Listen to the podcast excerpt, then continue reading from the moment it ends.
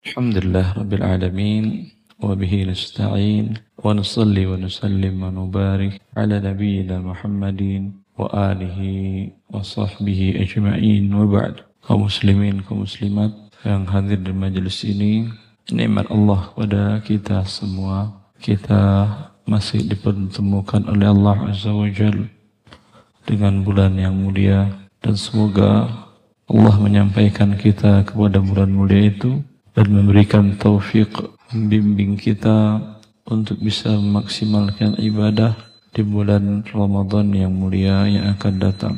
Ini nikmat yang besar. Orang-orang yang baik, orang-orang yang kita kenal baik, yang kita kenal dekat dengan Allah Azza wa Jal, tetangga kita, teman kita, guru kita, murid kita selama pandemi mungkin ada yang sudah dipanggil oleh Allah. Tapi Allah Azza wa Jalla sayang kepada kita yang hadir di sini di mana Allah masih memberikan kesempatan untuk kita untuk memaksimalkan sisa-sisa umur yang ada pada kita. Maka jangan pernah kesempatan ini kita lalaikan. Kemungkinan tidak akan terulang di Ramadan yang akan datang lagi. Tidak ada yang tahu.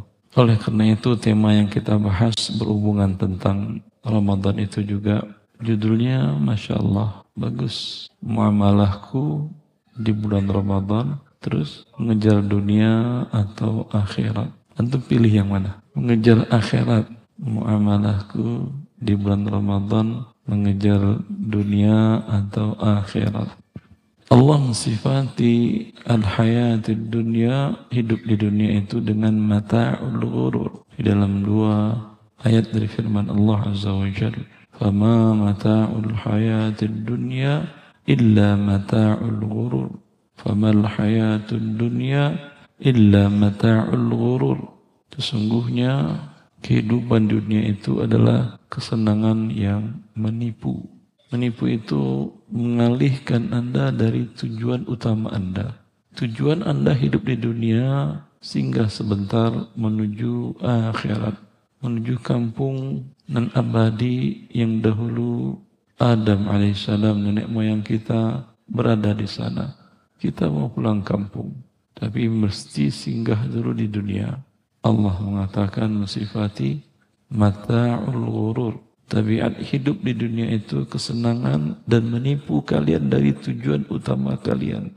Mengejar akhirat. Maka salah seorang ulama tabi'in المقرئ المفسر المحدث الفقيه سعيد بن جبير رحمه الله تعالى رحمة واسعة beliau pernah berkata yang dinukil perkataannya dan diriwayatkan oleh Al-Imam Ibn Rajab Al-Hambali dalam kitabnya Jami'ul Ulum wal Hikam Syarah Hadis Al-Ba'in Nawawiyah yang dikatakan oleh Sa'id bin Jubair Mata'ul dunya huwa ma yulhika an talabil akhirah. Fa idza lam yakun yulhika anha fa huwa mata'ul balagh ila ma huwa khairun minhu. Ambil kaidah ini. Apa kaidahnya tadi? Saya ulang. Yang kedua harus ada yang bisa. Kalau tidak bisa, saya ulang lagi. ya masa saya pulang antum tidak bisa? Jauh-jauh saya dari Jakarta. Hah?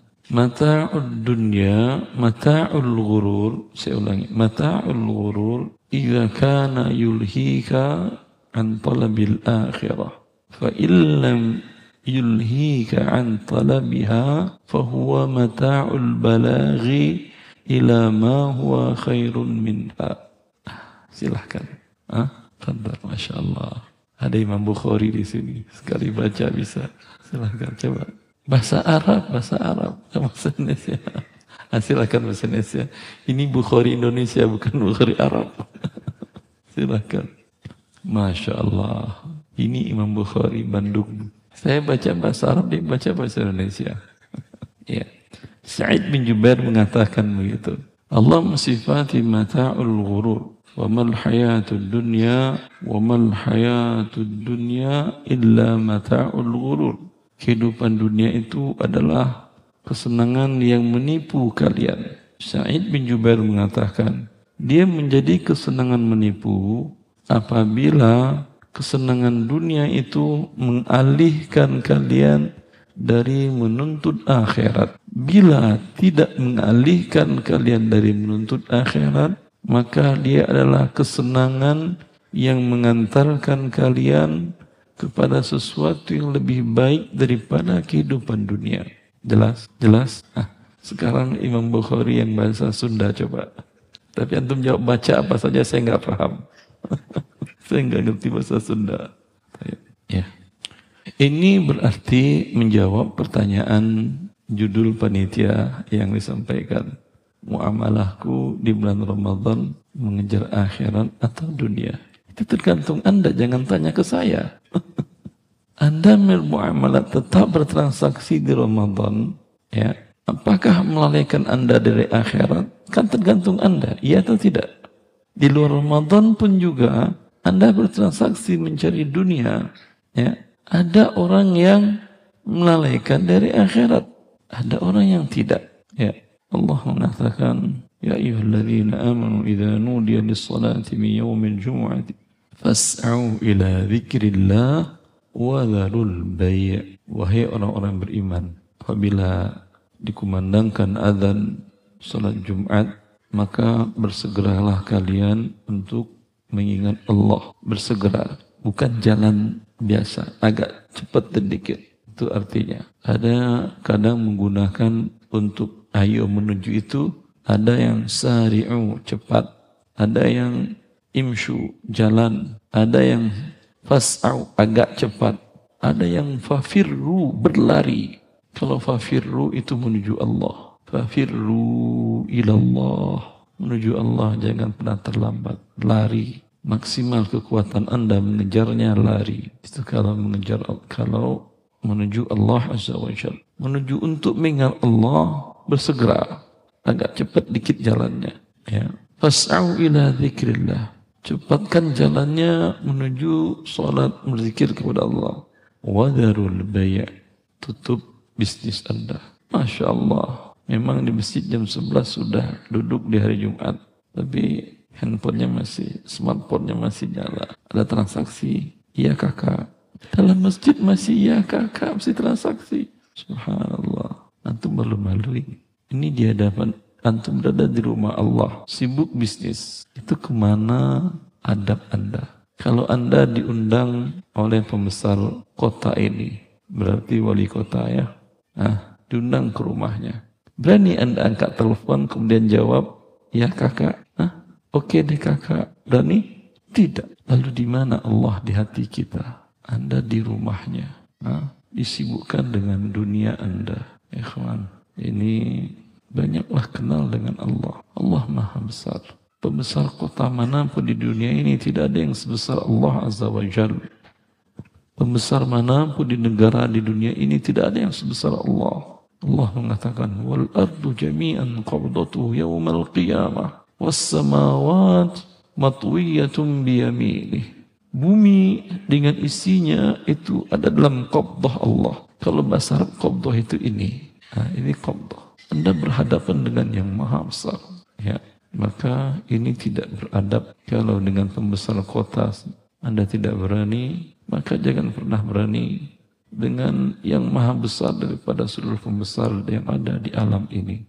Jibril alaihi salam, makhluk Allah yang besar itu yang memiliki 600 sayap semuanya berfungsi untuk terbang dengan kecepatan kilat mata dari sini lihat terbang sudah di ujung mata anda memandang berjualan di halaman masjid itu kata Rasulullah sallallahu alaihi wasallam ketika Isra berada di hadapan Allah kalhilsil bali bagaikan kain yang lusuh kalau ini masih baru dia bisa masih berdiri kalau lusuh anda mendirikan tidak bisa berdiri dia. Itu Jibril. Ya. Maka berhenti bertransaksi. Karena ini melalaikan Anda dari Allah Azza wa Jalla. Begitu juga bagi pendapat sebagian para ulama yang mewajibkan salat lima waktu bagi laki-laki, maka bila azan terdengar tanpa mic dan tanpa mic bisa tiga kilo kan ya. Anda tiga kilo datang kemari, sudah nggak ada orang lagi di masjid. Ya. Maka tinggalkan bisnis Anda berapapun angka rupiahnya. Karena sekarang la tulhihim tijaratun ولا بيع عن ذكر الله وإقام الصلاة وإيتاء الزكاة Orang yang bisa bersikap seperti itu hanyalah orang-orang yang Allah katakan mereka lah yang laki-laki sesungguhnya. Bisa dia menahan syahwat harta, syahwat bisnis bila Allah memanggilnya. Tidak masuk akal ketika Anda dipanggil dimulai dengan menyebut nama Allah syahadah, syahadatain, syahadat Nabi Muhammad, kemudian untuk salat, kemudian hayya 'alal falah. Mari menuju kebahagiaan. Lalu ada yang sibuk bisnis. Ini Anda bahagia berbisnis atau di sana di rumah Allah ada bahagianya. Hentikan itu. Pergi ke rumah Allah. Taib. Sampai di mana tadi? Tadi kan kita membahas judul tadi apa judulnya? Muamalahku di bulan Ramadan mengejar akhirat atau dunia. Jawabannya apa tadi? Terserah Anda. Terserah saya nggak bisa bagi juga. Yang kanan mencari akhirat apa dunia? Yang kiri mencari akhirat apa dunia? Kalau yang kanan dunia, yang kiri akhirat ya? Enggak. Dan Anda pun hari ini, jangankan hari ini, mungkin pas sedang banyak transaksi, sibuk dengan dunia.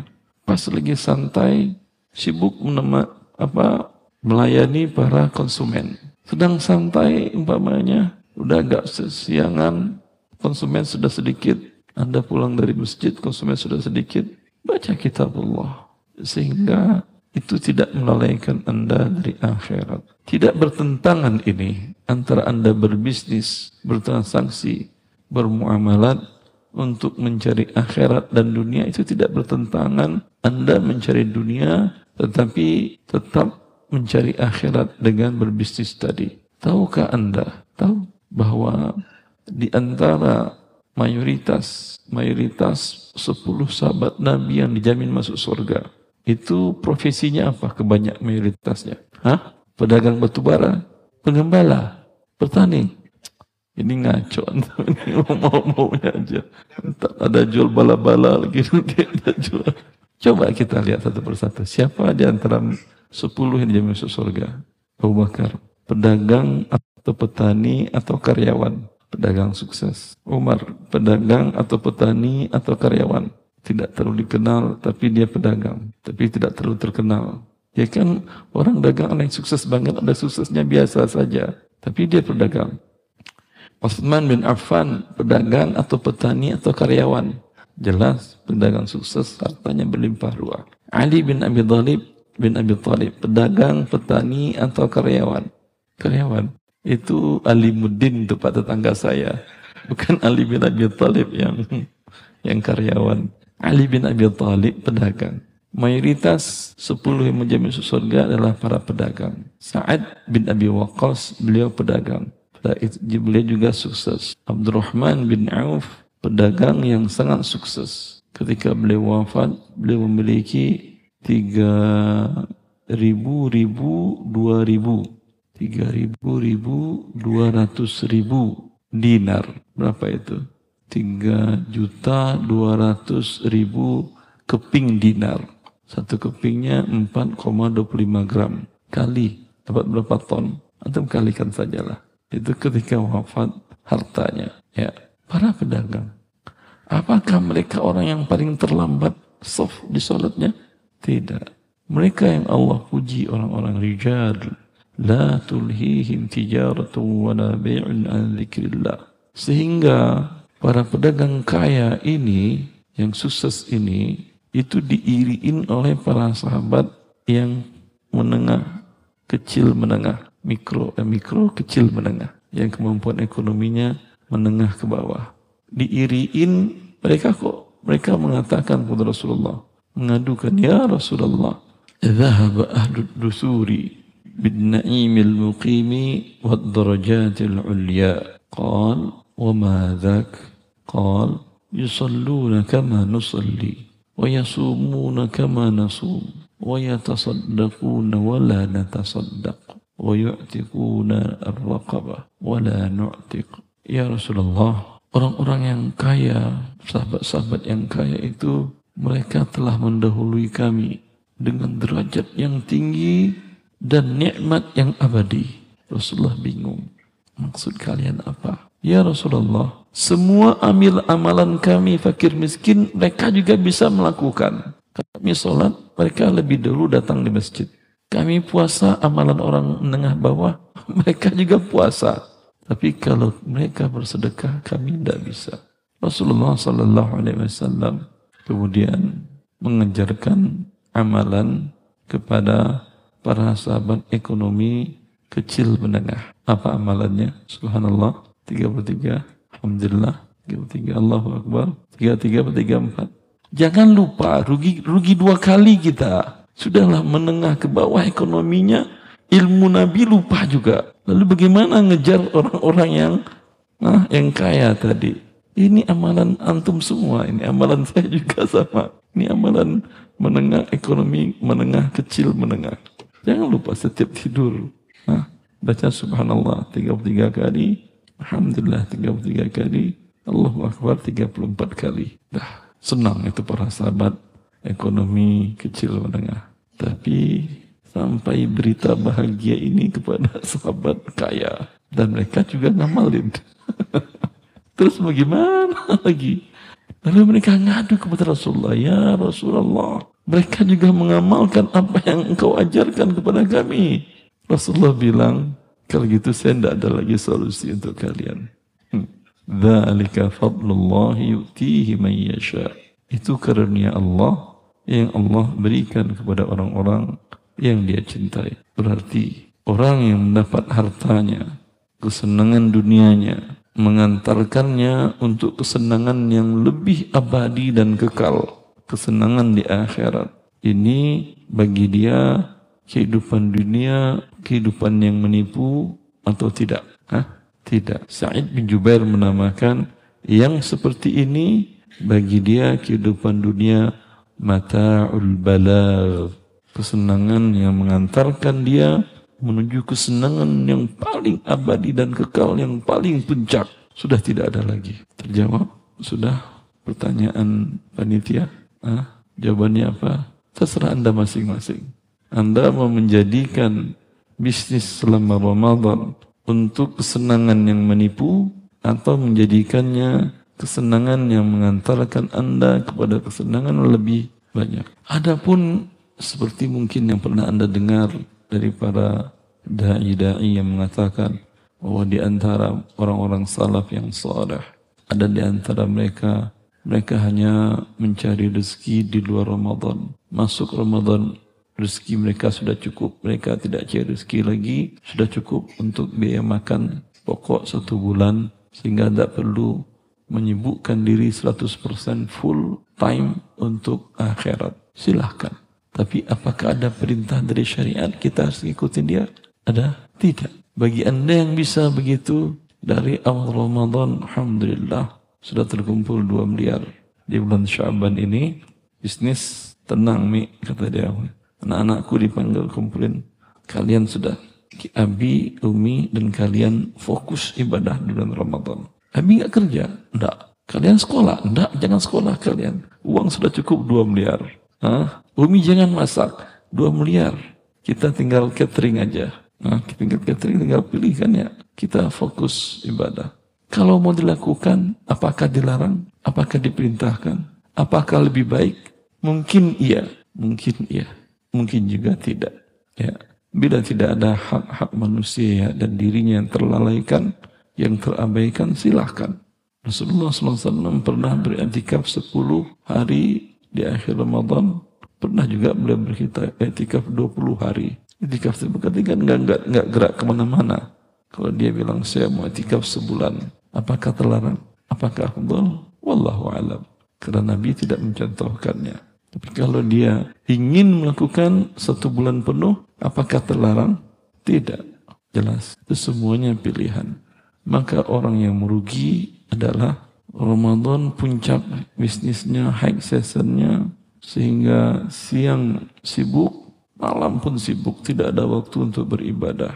Ini rugi dunia dan akhirat. Andai di akhir tahun, di akhir Ramadan, masuk syawal, dia hitung untungnya 2 miliar. Itu dia rugi apa untung? Untungnya. Baik. Besar apa kecil? 2 miliar besar. Rasulullah SAW mengatakan, law kanatid dunya ta'didu indallahi janaha ba'udah ma saqal kafira minha syarbata ma. Kalaulah dunia dengan seluruh isinya seluruh logam seluruh tambang seluruh laut semuanya itu di sisi Allah tidak lebih berat dari sayap seekor lalat.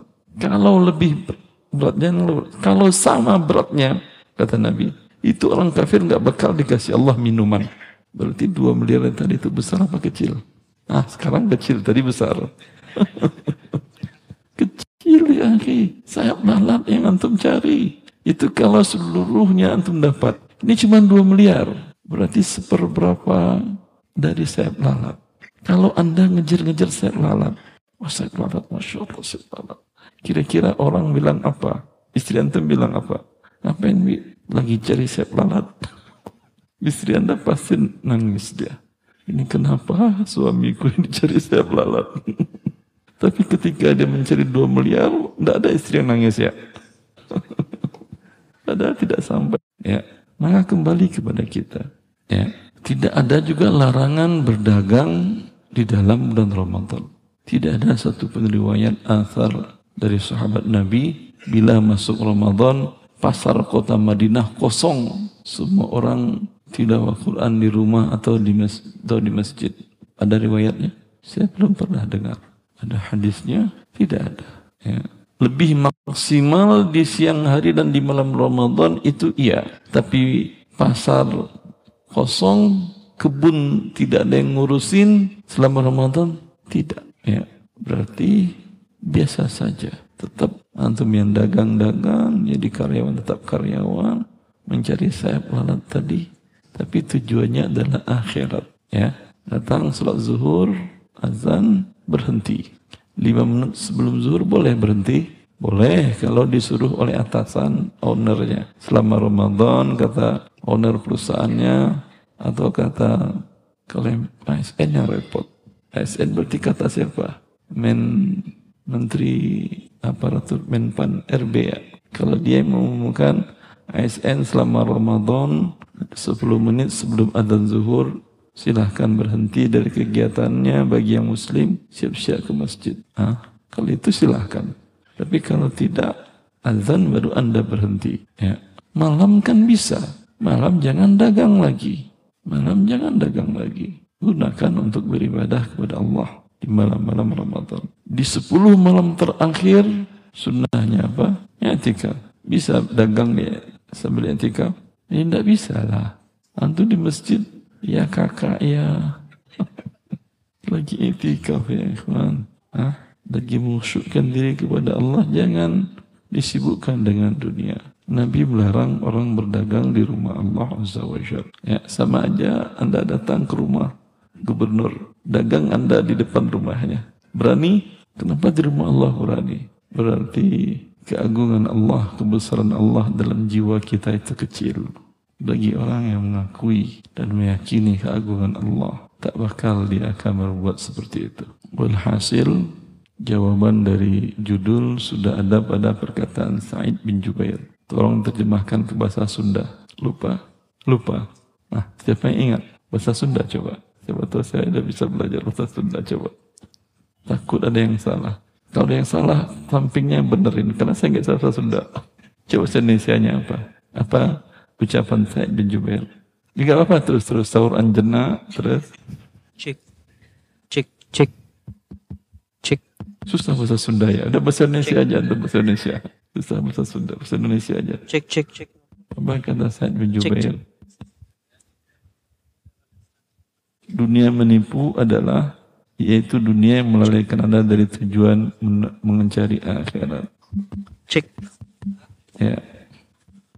Ya. Adapun dunia yang tidak melalaikan untuk mencari akhirat, maka dia bukan kesenangan yang menipu, tetapi kesenangan yang mengantarkan kamu kepada ke kebahagiaan yang lebih mulia, yang lebih kekal. Maka ini namanya Rabbana atina fid dunya hasanah wa fil akhirati hasanah wa qina adzaban nar. Ya azan azan. Langsung salat atau lanjut kajian atau tutup? Tanya jawab setelah Sebenarnya saya terjawab ya udah azan itu selesai. Cek. beberapa materi dari Ustadz. Eh, sekarang ada sesi buat tanya jawab. Barangkali yang sudah punya yang bebannya banyak untuk bertanya, mungkin di kajian ini bisa sedikit membantu masalahnya masing-masing. Nanti bisa dibantu mic-nya mungkin dari tim yang di sini yang merasa punya masalah paling banyak daripada yang lain yang kira-kira banyak banget pertanyaannya, boleh angkat tangan? Oh, Mas, yang paling berat masalahnya, Mas, ya. boleh, Mas, mau enggak? Bismillahirrahmanirrahim. Assalamualaikum warahmatullahi wabarakatuh. Salam. Nama saya Tirta Ustadz, izin bertanya. Cara untuk transaksi online ya Ustadz, kan untuk skema pembayaran dari pembeli ada yang langsung transfer jual. Nah, jika untuk di marketplace kita transfer dari kita ke pihak ketiga marketplace, kemudian setelah barang sampai, kita klik pihak market- marketplace meneruskan ke penjual ya Pak ya. Nah, mengenai perkara transaksi seperti tersebut, jika dipraktekkan untuk emas, apakah tetap riba? Ya. Alhamdulillah. Pertanyaannya bagus sekali. Alhamdulillah Rabbil Alamin wa bihi nasta'in wa nusalli wa nusallim wa nubarik ala nabiyyina Muhammadin wa alihi wa sahbihi ajma'in wa ba'du. Pertanyaannya, dia beli emas di marketplace. Itu pasti riba sudah. Karena tidak mungkin ya dan biadin. Hah? Penjualnya di dago, pembelinya di sini apa namanya? Wastu kencana. Ada tangan yang sampai ke sana. Tangan yang di wastu sampai ke dago. Tangan yang dago sampai kemari. Kan Nabi mengatakan, ya dan biadin. Tangan kan yang punya emas, serahkan emasnya yang satu lagi nerima rupiahnya. Itu yang dijelaskan Nabi. Ya dan biadin tangan dengan tangan. Dan online itu tidak mungkin terrealisasi kecuali kecuali Anda beli emas melalui ATM emas. Tapi di Indonesia belum ada. Yang ada di Malaysia ada, di Dubai ada. Anda masukin ATM, Anda klik klik klik, nanti yang keluar bukan rupiah, bukan dolar, bukan ringgit, tapi emas. Itu ya dan biadin. Emas langsung Anda terima, kemudian uang Anda langsung terpotong di saat itu juga real time oleh pihak penjual emasnya penyedia tempatnya. Jelas. Alhamdulillah. Ada lagi yang lebih berat bebannya? Mungkin Bapak mau enggak? Bismillah, Assalamualaikum warahmatullahi wabarakatuh. Assalamualaikum warahmatullahi wabarakatuh. Eh, Tad mau bertanya, Afwan, ada beberapa pertanyaan mungkin yang ingin Anda ajukan. Yang pertama eh, terkait tentang masalah perdagangan muamalah, yang mana eh, para ulama berbeda pendapat untuk eh, muamalah yang dilakukan di masjid dan di luar masjid.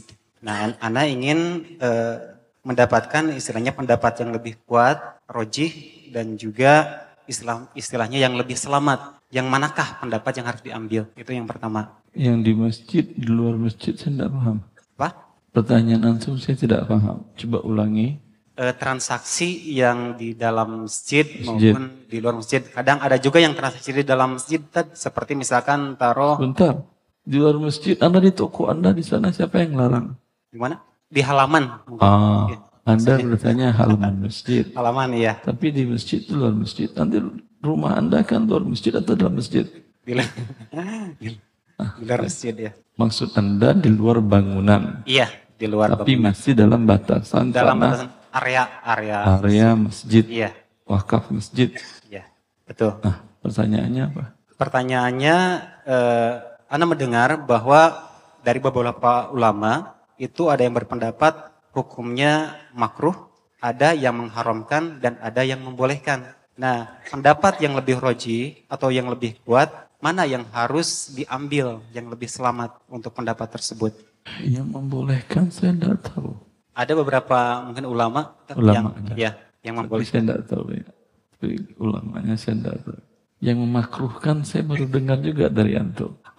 Kalau yang anda katakan pertanyaannya seperti ini, apakah hukumnya sama dengan di dalam masjid, di dalam masjid, bangunan masjid? Sebagian ada yang mengharamkan menurut pendengaran anda, sebagian ada yang memakruhkan menurut pendengaran anda, sebagian ada yang membolehkan menurut pendengaran anda. Hadisnya sahih dari Nabi Shallallahu Alaihi Wasallam bahwa Nabi Shallallahu Alaihi Wasallam melarang dari berdagang berjualan di masjid. Dan Rasulullah mengatakan apabila kalian melihat orang yang berjual beli di masjid, fakulla arbahallahu tijaratak. Maka ucapkan doa, semoga Allah tidak memberikan laba pada perdaganganmu. Ini doa baik apa doa buruk? Doa buruk bolehkah kepada orang yang berbuat baik? Tidak. Berarti dia berbuat baik atau tidak? Tidak. Kalau tidak berbuat baik berarti boleh apa makruh atau haram? Haram. Jelas? Terus batasannya sampai di manakah? Ah, mana yang masjid? Kalau Anda di Masjid Nabawi atau di Masjidil Haram, itu yang batasan Masjidil Haram dan Masjid Nabawi ada pagar setinggi satu meter yang mengelilingi komplek Masjid Nabawi dan Masjidil Haram, ya itu jarak pagar ke gedung mungkin bisa 2 kilo, 3 kilo di sebagian sisi, di sebagian titik. Di titik yang lain mungkin ada 100 meter, 200 meter. Tapi itu batasannya. Di pagar ya? Hah? Pagar berarti. Pagar berarti. yang menjadi batasannya. Pagarnya. Yang dimaksud dengan masjid adalah tanah, bukan bangunan. Tapi tanah al-ardul musabbanatu liqamatis salawatil khams. Tanah yang diwakafkan untuk melakukan salat lima waktu di atas tanah itu. Ada bangunan, tidak ada bangunan, tidak masalah. Paham? Maka tergantung. Kalau yang punya tanah mengatakan, ini tanah saya 5.000 meter, 3.000 meter saya wakafkan untuk untuk bangunan masjid. Kemudian 2.000 meter untuk fasilitas penunjang, parkiran atau umpamanya tempat tinggal imam dan muadzin. Kemudian kalau ada ruko penunjang untuk hasilnya membiayai operasional masjid. Hah? Itu tidak tidak 5000 wakaf, tidak 5000 meter itu statusnya masjid. Yang status masjid hanya 3000 meter. Yang 3000 itu mungkin bangunannya mungkin 2500, 2700. Bisa dipahami? Tapi kalau panitia mengumpulkan dana masyarakat, ah ini saya yang tidak tahu. Karena dia bilang kita membebaskan lahan untuk bangun masjid. Tapi yang dia bangun toilet. Toilet masjid itu. Toilet tidak sah sholat di dalam dan di atasnya. Kalau anda masuk toilet kaki kanan, kaki kiri. Masuk masjid kaki kanan, kaki kiri. Kanan. Berarti dia masjid atau bukan? Ya bukan. Ya. Jangan nanti anda di akhirat. Kok saya dapatnya di akhirat bukan rumah. Padahal saya nyumbang membangun masjid. Janji Nabi katanya masjid. Ah, kamu kan nyumbangnya bangun toilet bukan masjid. Man bana lillahi masjidan banallahu lahu baitan fil jannah. Siapa yang membangun rumah Allah karena Allah Ta'ala maka Allah bangunkan dia rumah di surga. Yang toilet bukan. Anda lihat Masjidil Haram tidak ada toilet di, di masjidnya. Bahkan yang baru ada toilet di depan eh, Zamzam Tower terpisah dari masjid dari parkiran masjid dari apa saha dari halaman masjid yang ada di dalam tiang pembatas tadi jelas Allah ibarik fiik. dia tidak boleh Satu juga lagi, dia tidak boleh, juga ada jualan di toilet Satu lagi boleh? Ini Tapi yang halal toilet saya jual di toilet. Tidak. Gimana cara jalan toilet? Tulis di pintunya, ya ingin ini ini hubungi nomor ini. ya. Contoh. eh, begini Tad, satu lagi. Ada teman Gantian Oh, gitu. Masya Allah. Paling berat masalahnya kayaknya Tat. Iya. Kita bacakan dari jemaah. Assalamualaikum Ustadz. Semoga Ustadz dan seluruh hadirin senantiasa dijaga oleh Allah Ta'ala. Izin bertanya Ustadz terkait zakat perdagangan. Apakah sisa tabungan yang sudah kita zakatkan di tahun sebelumnya wajib disagatkan kembali di tahun berikutnya? Dan mohon koreksinya cara menghitung zakat perdagangan yang saya gunakan yaitu modal pokok plus tabungan kali 2,5 persen. Barakallah. Modal pokok plus tabungan.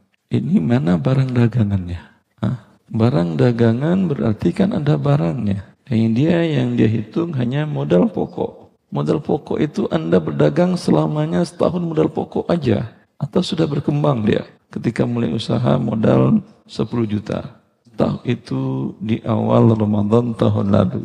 Sekarang masih 10 juta aja atau sudah 30 barangnya. Pengennya berapa? 30. Kalau modal pokoknya berapa tadi? 10. Ya. Yang dihitung adalah barang dagangannya. Barang dagangannya baik yang belum terjual, yang ada di toko, yang ada di gudang, atau yang dititip jual yang belum laku, itu dihitung dengan nilai harga mendapatkannya per hari jatuh kewajiban zakat. Kalau naik berarti naik. Kalau turun berarti turun. Tergantung objek barang dagangan Anda apa. Bisa difahami? Tambah dengan uang yang lain. Tabungankah, emas, digabung suhunya. Bila lebih satu nisab, dikali dua setengah persen. Atau dibagi 40. Bagiannya itulah yang dizakatkan. Wallahu a'lam. Baik, ada lagi pertanyaan dari yang dekat dulu. Assalamualaikum. Assalamualaikum. Jazakumullah khairan Ustaz. Semoga Allah Allah menjaga Ustaz di atas kebaikan. Allah. Izin bertanya Ustaz, eh, jadi saya punya rekan, beliau tuh memang asalnya kaya, kemudian karena ya qadarullah eh, Covid, semua hartanya tuh habis kecuali kok ruko ini harganya sekitar 7 miliar. Jadi beliau nggak punya apa-apa lagi rumah, kendaraan, bahkan uang untuk makan pun nggak ada. Hanya punya ruko seharga 7 miliar. Nah, eh, beliau udah usaha untuk jual bahkan diturunkan harganya sampai di bawah 50 berarti belum ada juga yang mau membelinya. Nah, yang jadi pertanyaan apakah teman saya ini beliau berhak menerima zakat karena di satu punya aset tiga ya ruko itu tapi di sisi lain makanan aja nggak punya gitu. Terus dalam masalah zakatnya izin bertanya zakat mal nih. Terus kenapa zakat? Jadi misalnya saya ada uang nisab pas Muharram tahun ini, lalu karena ingin dapat keutamaan beramal di bulan Ramadan, akhirnya saya ingin mengeluarkan zakat malnya di bulan Ramadan tahun ini yang mana berarti belum haul ya Ustaz ya. Apakah itu boleh? Saya pernah mendengar sebagian ulama membolehkan, tapi kan kalau dibayarannya di bulan Ramadan berarti harta dua setengah persennya tuh beda dengan kalau saya bayarnya pas haul. Karena bisa jadi pas haul harta saya lebih banyak sehingga zakat lebih banyak, tapi karena saya tarik di bulan Ramadan bayarnya, jadi bayarnya dua setengah dari uang yang ada pada Ramadan. Atau sebaliknya, di Ramadan uang Anda banyak, nanti Muharram turun. Iya betul. Ah, jadi baik. bagaimana gitu? Ustaz? Jadi Ya. bagaimana? Jazakumullah khairan Ustaz. Pertama, ini dijual tidak laku, disewakan nggak laku juga. Disewa aja untuk harga makan sehari, nggak ada juga yang mau. Apa sih rukonya ini? Disewakan, dah pakai deh.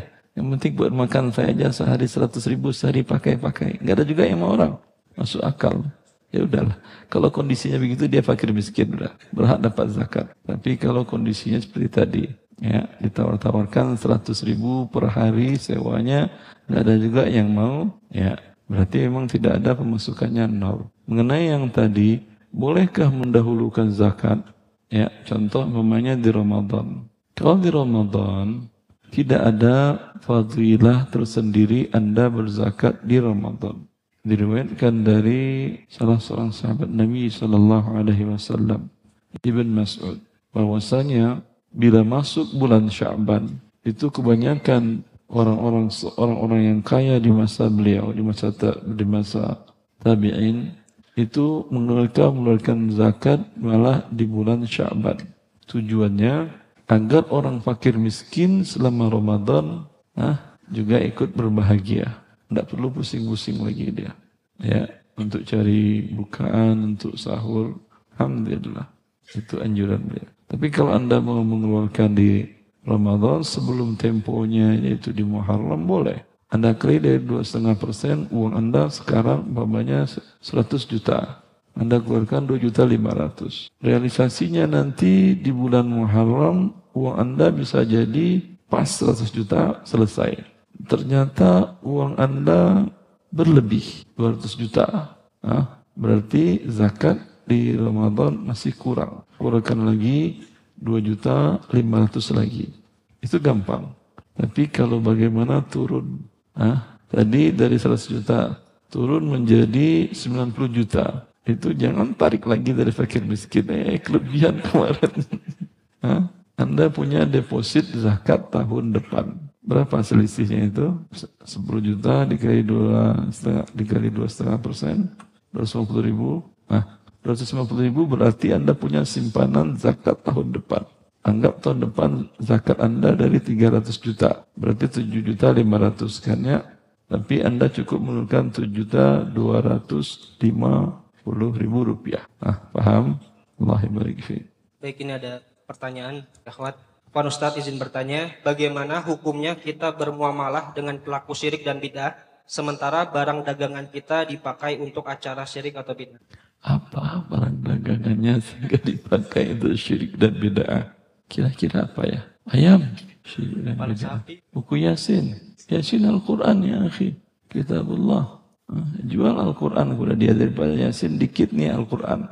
Lengkap. Ya. Kalau anda umpamanya dagang memang keris. ah, atau batu-batu keramat. Atau aksesoris-aksesoris syirik. Yang lainnya salib anda jual. ah, ini iya tidak boleh. Tapi anda jual beras. Itu menjadikan beras syirik gimana caranya? Saya nggak tahu dan jangan ajarkan saya. Dan saya juga menurut saya nggak ada orang yang syirik dengan beras. Paham? Maka dia beli, jual saja. Ternyata umpamanya untuk syirik urusan dia kepada Allah. Bukankah Nabi bertransaksi dengan Yahudi? Dan Yahudi sudah dicap oleh Allah Azza wa Jal. Mereka laqad kafara alladhina qalu inna Allah innal innal innal inna Uzairan Allah. Sungguh telah kafir orang yang mengatakan bahwa Uzair anak Allah. Uzair anak Allah itu agama Yahudi. Tapi Rasulullah SAW bertransaksi dengan beliau. Jelas dengan orang-orang Yahudi di Makkah. Ya, bertransaksi, berjual beli, diundang makan pun Rasulullah mau. Walaupun ternyata itu makanan diisikannya racun yang mematikan. Di saat yang sama makan langsung sahabatnya beberapa orang mati. Dan Rasulullah sudah termakan sedikit dan diberitahukan oleh Jibril alaihissalam. Ya. Allah ta'ala. Tapi kalau anda tidak mau jual, tidak ada masalah. Nah, Yang lagi, himbauan untuk yang bertanya, maksimal satu pertanyaan ya, karena yang lain juga punya beban yang sama untuk harus ditanyakan ke Ustadz. Mangga yang Mas, ada mic yang bisa dibantu barangkali?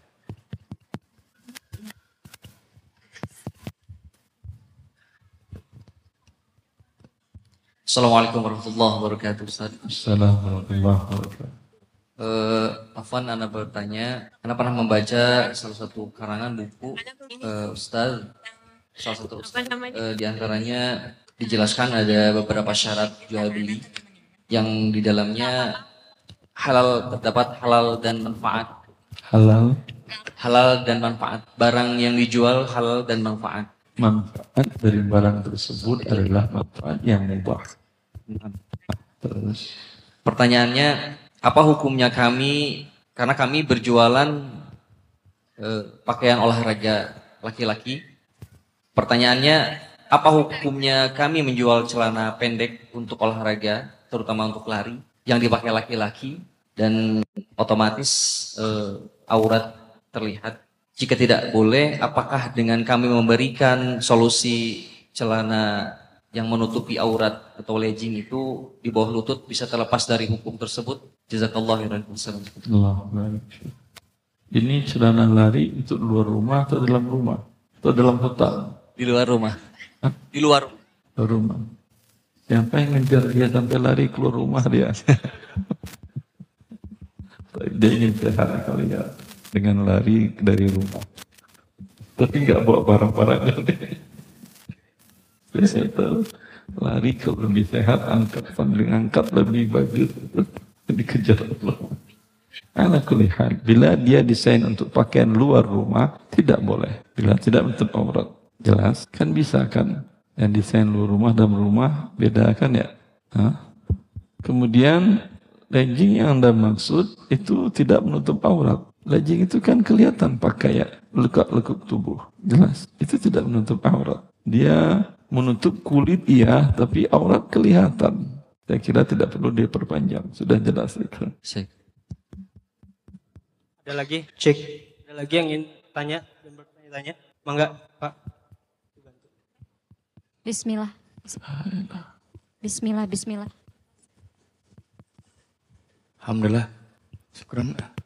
Bismillah. Assalamualaikum warahmatullahi wabarakatuh. Assalamualaikum warahmatullahi wabarakatuh. Ustadz izin bertanya. Anda tadi yang teriak Yasin, eh, buku Yasin, eh, percetakan, eh, apa, usaha Anda kebetulan percetakan. Oh, jasa. Seringkali dipesan sama eh, apa namanya perusahaan MLM. Itu brandnya nggak usah disebutin ya Ustadz. Apanya? Brandnya, mereknya.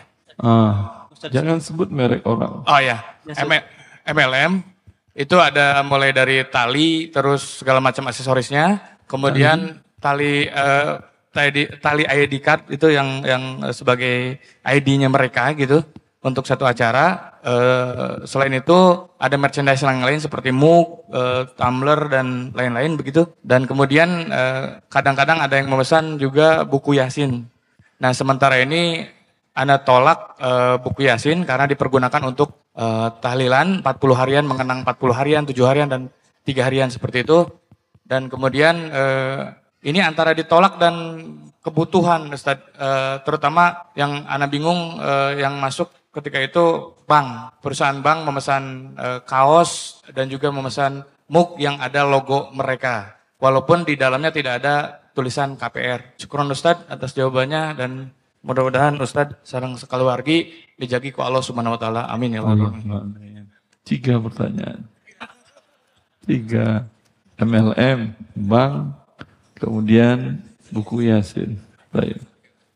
Yang Yasin bukan buku. Yasin Al-Quran, kitabullah. Bagian dari kitabullah. Dan pun dicetak di mus, dipercetakan mushaf di Madinah. Cetakan mushaf terbesar di dunia di Madinah ada namanya rubu' Yasin. Seperempat Al-Quran itu adalah dari Yasin bagian belakangnya. Seperempat belakang itu dari Yasin sampai An-Nas. Itu seperempat Al-Quran belakang. Anda bilang saja, saya mau mencetakkan yang itu aja, seperempat saja. Tidak satu surat. Ya. Saya cetakkan lengkap seperempat Al-Quran. Bagian belakang. Kalau dia bilang kebanyakan, ayo udah satu juz. Satu juz. Yasin juz berapa? Juz 24. Nah, juz 24 saya cetakkan. Jadi berguna bagi orang-orang ya Anda berikan kepada mereka Anda berikan hadiah mushaf seper 30 dari Al-Quran. Dibaca dihafal oleh mereka. Jelas. Kalau dia tidak mau ngotot yasin saja. Kemudian Anda pakai gambar yang meninggal biasanya kan ada kan ya? Tolak. Ini malu-maluin. Kitabullah gambar Anda. Kalau saya buku harta haram anda minta Ustaz saya tolong dicetakkan buku harta haram. Gambarnya gambar saya di depan saya kasih nggak? Enak aja ente. Saya capek nulisnya tiga tahun ente minta gambar ente di depan. Itu manusia dengan manusia. Ini kitabullah. Namanya nama si fulan bin fulan. Ya ada fotonya lagi. Jelas. Tapi katakan kalau ingin saya cetakkan hanya surat yasin saya cetakkan. Tawarkan lebih bagus seperempat rubu' yasin, seperempat Al-Quran terakhir. Dimulai dari ya, surat yasin. Tidak mau dia satu juz 24 di dalamnya ada yasin. Tidak mau dia yasin saja tapi tidak boleh ada embel apa-apa pun juga. Itu yang keberapa itu? Pertama bro. Yang kedua dan ketiga jawabannya sama itu. Sama kalau Anda sudah tahu untuk kebutuhan mereka, jangan layanin. Karena termasuk Anda mensupport ta'awun untuk menyukseskan kegiatan mereka.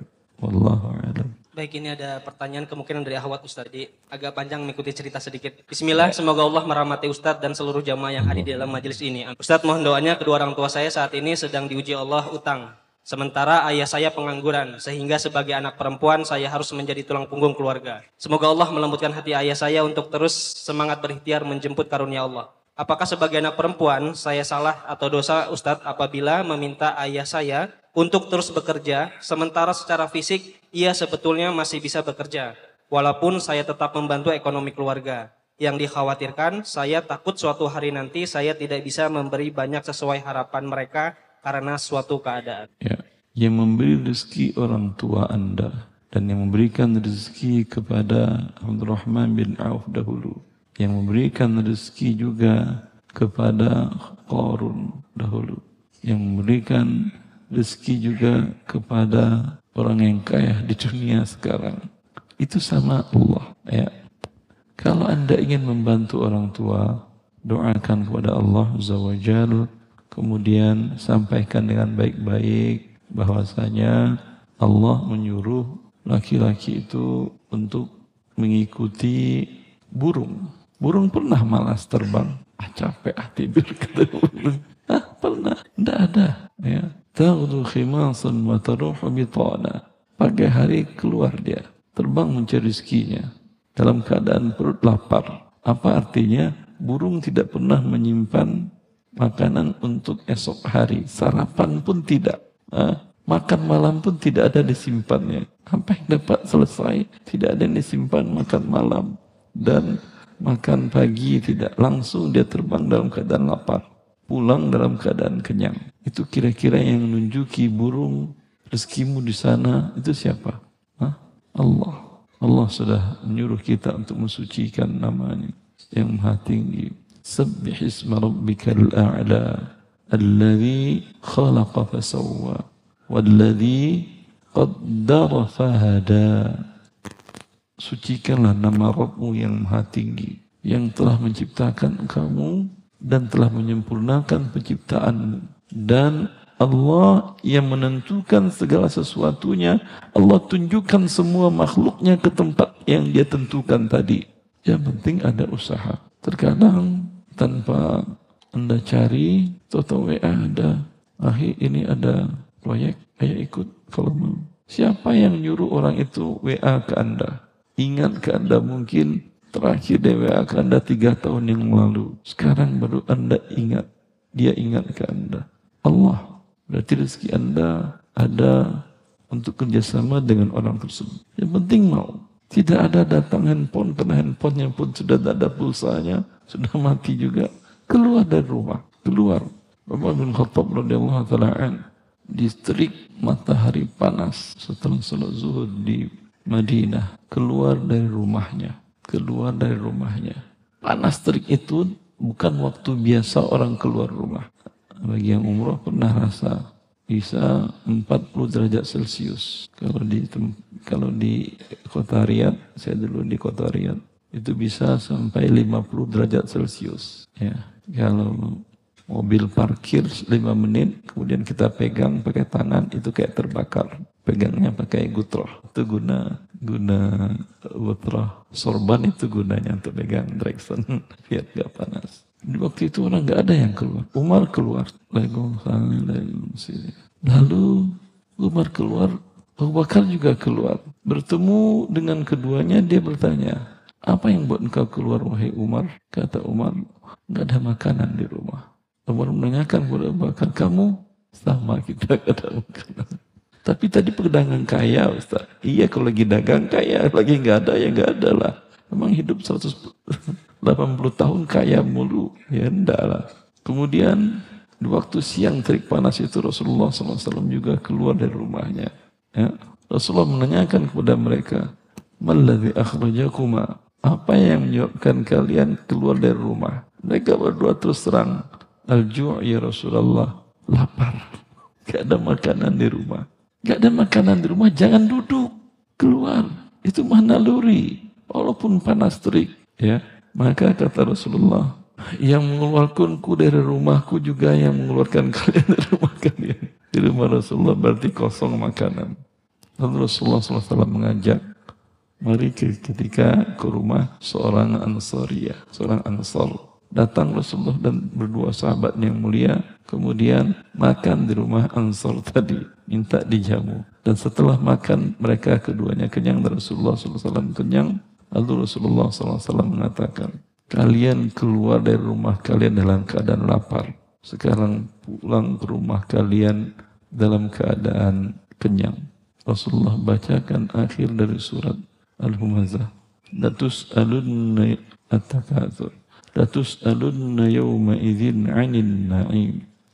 Pasti kalian akan ditanya Allah tentang nikmat yang baru kalian dapatkan ini. Rasulullah mengingatkan kepada dua sahabat yang mulia bahwa nikmat sekecil apa pun akan dipertanggungjawabkan di hadapan Allah. Keluar dari rumah akhir, walaupun panas, walaupun terik, keluar. Itu fitrah manusia. Seperti Allah suruh kita belajar seperti burung tadi. Wa taruhu bitana.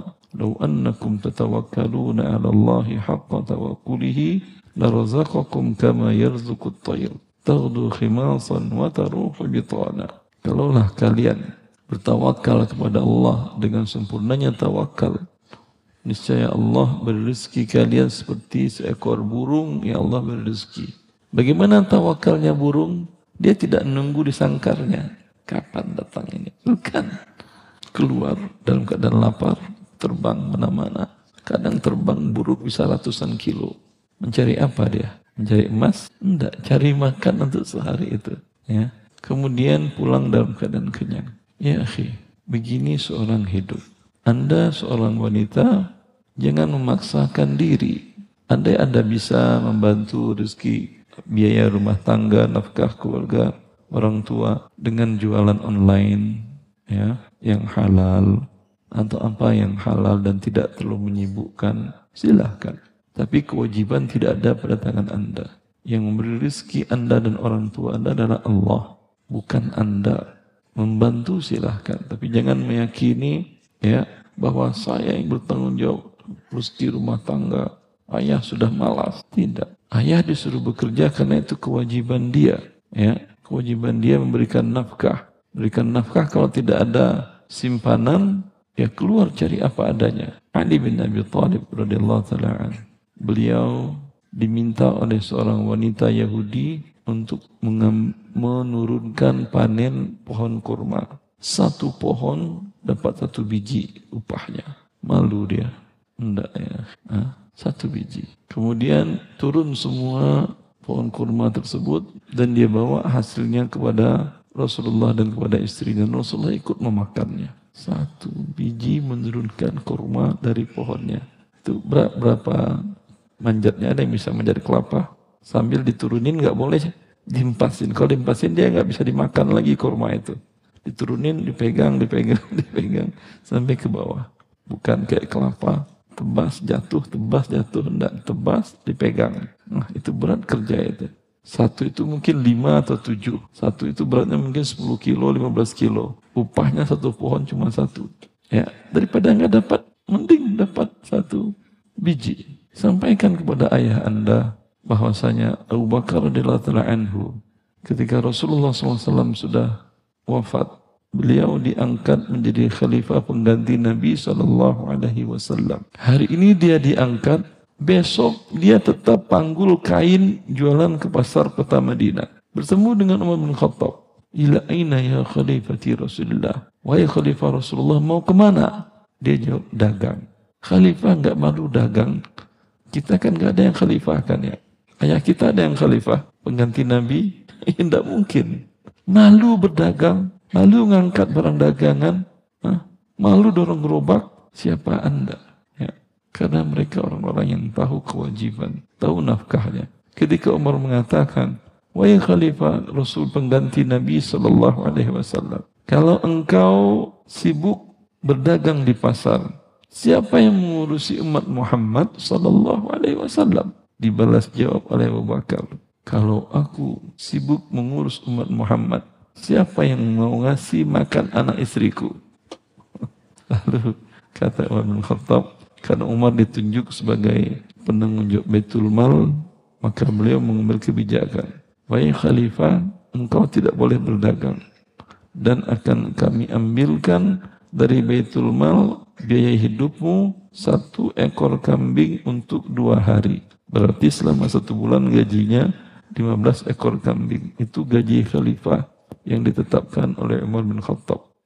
Jelas. Nah, semoga ini mem melecut semangat kita untuk mencari rezeki yang halal. Kita tidak khalifah, tidak menantu Nabi. Nah, tadi menantu Nabi manjat. Malu-maluin mantu Ustaz manjat. Ya biasa aja mantu Ustaz manjat. Ustaz aja boleh manjat kan ya. Asal bisa aja. Kalau nggak jatuh ya bahaya. Ya mantu Rasulullah Sallallahu Alaihi Wasallam manjat. Khalifah manggul kain dagang ke pasar. Tidak ada yang malu. Mencari rezeki Allah yang halal. Ya. Baik, cek. Mungkin cukup Ustadz untuk waktunya. Berat-berat soal bebannya sepertinya Ustadz. Pertanyaannya. Mungkin ada nasihat terakhir Ustadz buat jemaah bisa disampaikan. Baik, khawani wa khawati fillah. Sesungguhnya Rabb kita Allah Jalla fi'ula lebih sayang kepada kita dari ibu dan ayah kita yang melahirkan kita dan mendidik kita dan besarkan kita. Rasulullah mengatakan, Allahu arhamu bi abdihi min ummihi bihi. Sesungguhnya Allah lebih sayang dengan hambanya daripada ibu yang melahirkan orang ini. Maka bila berat urusan Anda dalam hidup, berat ekonomi Anda, berat hubungan sosial Anda, berat hubungan rumah tangga Anda, berat hubungan dengan orang-orang yang Anda cintai, adukan kepada orang yang paling, kepada yang paling sayang kepada Anda. Pasti dia akan menyelesaikan urusan Anda. Tetapi mengadu sepenuh hati bukan hanya pura-pura. Iya, bangga ini ya. Utang saya 5 miliar, masa doa selesai. Kalau Anda tidak percaya, Allah sesuai dengan zon kalian. Kalian yang yakin dengan Allah akan kalian dapati apa yang kalian inginkan. Walau menurut akal manusia tidak masuk ke akalnya. La yu'jizuhu syai. Allah tidak pernah tidak mampu melakukan apa pun juga.